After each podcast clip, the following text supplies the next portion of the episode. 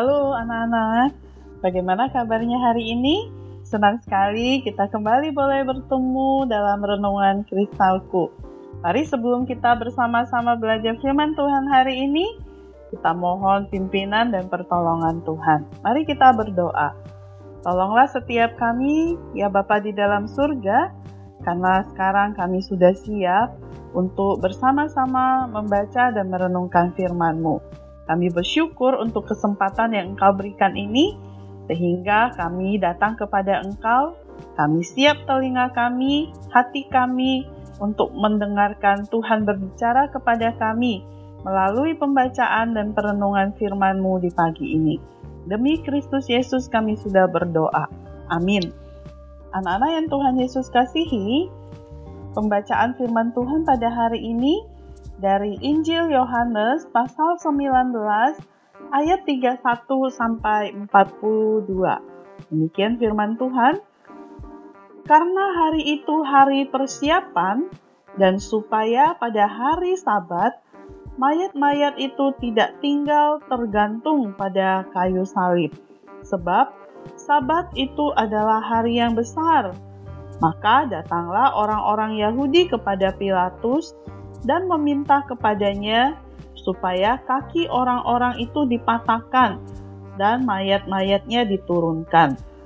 Maka datanglah prajurit-prajurit lalu mematahkan kaki orang yang pertama dan kaki orang yang lain yang disalibkan bersama-sama dengan Yesus. Tetapi ketika mereka sampai kepada Yesus dan melihat bahwa ia telah mati, mereka tidak mematahkan kakinya. Tetapi seorang dari antara prajurit itu menikam lambungnya dengan tombak dan segera mengalir keluar darah dan air. Dan orang yang melihat hal itu sendiri yang memberikan kesaksian ini. Dan kesaksiannya benar. Dan ia tahu bahwa ia mengatakan kebenaran supaya kamu juga percaya. Sebab hal itu terjadi supaya genaplah yang tertulis dalam kitab suci. Tidak ada tulangnya yang akan dipatahkan. Dan ada pula nas yang mengatakan mereka akan memandang kepada dia yang telah mereka tikam. Sesudah itu Yusuf dari Arimatea, ia murid Yesus tetapi sembunyi-sembunyi karena takut kepada orang-orang Yahudi, meminta kepada Pilatus supaya ia diperbolehkan menurunkan mayat Yesus. Dan Pilatus meluluskan permintaannya itu. Lalu datanglah ia dan menurunkan mayat itu. Juga Nikodemus datang ke situ Dialah yang mula-mula datang waktu malam kepada Yesus. Ia membawa campuran minyak mur dengan minyak gaharu. Kira-kira 50 hati beratnya. Mereka mengambil mayat Yesus, mengafaninya dengan kain lenan dan membubuhinya dengan rempah-rempah menurut adat orang Yahudi bila menguburkan mayat dekat tempat di mana Yesus disalibkan, ada suatu taman, dan dalam taman itu ada suatu kubur baru yang di dalamnya belum pernah dimakamkan seseorang. Karena hari itu hari persiapan orang Yahudi, sedang kubur itu tidak jauh letaknya, maka mereka meletakkan mayat Yesus ke situ. Anak-anak yang Tuhan Yesus kasihi, Menjelang sore hari, firman Tuhan katakan, Yesus mati. Karena hari itu adalah hari persiapan sabat, orang-orang Yahudi tidak ingin meninggalkan seseorang tergantung di salib. Jadi, para prajurit tadi dikatakan mematahkan kaki kedua orang yang tergantung di kiri dan kanan Yesus, membuat mereka cepat mati. Tetapi ketika mereka sampai kepada Yesus dan melihat bahwa ia telah mati, mereka tidak mematahkan kakinya. Namun, salah satu prajurit itu menikam lambungnya dengan tombak, sehingga keluarlah darah dan air. Setelah itu Yusuf dari Arimatea, ia menjadi murid Yesus tetapi sembunyi-sembunyi karena dia takut sama orang Yahudi. Dia pergi meminta kepada Pilatus supaya dikasih izin untuk mengambil mayat Yesus lalu menguburkannya. Termasuk ada Nikodemus di sana. Mereka membungkus tubuh Yesus dengan kain lenan panjang dengan rempah-rempah yang digunakan untuk memakamkan seorang yang telah meninggal pada waktu itu. Ada sebuah taman besar di dekat bukit tempat Yesus disalibkan. Kebetulan, Yusuf adalah pemilik kubur di taman tersebut, sehingga mereka meletakkan mayat Yesus di dalam kubur dan menggulingkan sebuah batu besar di depan pintu masuknya. Nah, anak-anak, bagaimana kita tahu bahwa Yesus adalah Mesias yang dijanjikan? Mesias adalah kata Ibrani yang berarti yang diurapi. Seorang anak Allah yang diurapi untuk menyelamatkan kita.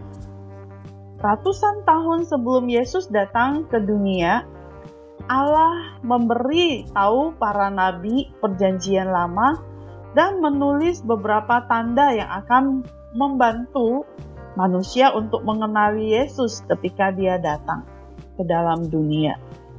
Meskipun mungkin tampak jelas bagi kita bahwa mereka berbicara tentang Yesus, orang-orang Yahudi yang tinggal pada waktu itu melihat Yesus hanya sebagai manusia biasa dan bukan Mesias yang dijanjikan, yaitu anak Allah. Jadi, bagaimana kita bisa yakin bahwa Yesus adalah Mesias yang dijanjikan? Berikut adalah tiga dari banyak nubuat yang disampaikan pada saat Yesus mati. Mazmur 22 ayat 18. Mereka membagi pakaianku di antara mereka dan membuang undi untuk pakaianku. Mazmur 34 ayat 20. Ia melindungi segala tulangnya. Tidak satu pun dari tulang-tulang itu akan rusak. Sakaria 12 ayat 10. Aku akan mencurahkan roh pengasihan dan roh permohonan atas keluarga Daud dan atas penduduk Yerusalem. Dan mereka akan memandang kepada dia yang telah mereka tikam dan akan meratapi dia seperti orang meratapi anak tunggal dan akan menangisi dia dengan pedih seperti orang menangisi anak sulung. Nah, anak-anak, dari tiga bagian firman Tuhan ini kita lihat ini dinubuatkan dalam perjanjian lama jauh sebelum Tuhan Yesus datang ke dalam dunia. Dan bagaimana kita tahu bahwa Yesuslah orang yang dimaksudkan? Kita lihat dari tiga ayat firman Tuhan yang tadi sudah Bu Evi bacakan. Tuhan Yesus waktu dia disalib, pakaiannya diundi dan dibagi-bagi, seperti yang ditulis dalam Mazmur 22 ayat 18. Dan tidak ada satu tulangnya pun yang rusak, yang patah, Waktu prajurit-prajurit mematahkan kaki orang-orang yang disalibkan, Tuhan Yesus tidak. Kemudian mereka akan memandang kepada dia yang ditikam. Ya, Tuhan Yesus lambungnya ditikam oleh seorang prajurit. Ya, dan mereka memandang dan bersaksi tentang Yesus. Nah, anak-anak yang Tuhan Yesus kasihi, ini adalah bukti bahwa Yesus adalah sungguh-sungguh Mesias, anak Allah yang dijanjikan itu. Dia yang diurapi, yang jadi juru selamat manusia. Ketika saya dan kamu percaya kepadanya, maka kita akan diselamatkan. Kita mendapatkan hidup yang kekal bersama dengan Yesus di surga. Demikian firman Tuhan. Mari kita berdoa. Tuhan Yesus, terima kasih untuk firman-Mu hari ini. Kami sungguh boleh melihat bahwa Engkau adalah benar-benar Mesias yang dijanjikan yang dinubuatkan oleh para nabi di dalam Perjanjian Lama. Tuhan, tolong kami untuk senantiasa teguh di dalam iman kami kepada Engkau, percaya kepada Engkau sebagai Mesias, Juru Selamat kami. Kami yang percaya kepada Engkau tidak akan binasa, tetapi akan beroleh hidup yang kekal. Terima kasih Tuhan Yesus. Berkatilah kami sepanjang hari ini. Pimpin dalam proses pembelajaran yang akan kami lalui. Demikian juga Tuhan terus tolong papa mama dalam mereka bekerja. Terpuji namamu ya Bapa. Demi Kristus Yesus kami sudah berdoa. Amin. Ayat emas kita hari ini dari Yohanes pasal 1 ayat 41 kami telah menemukan Mesias. Demikian firman Tuhan. Bersama Yesus, aku bisa.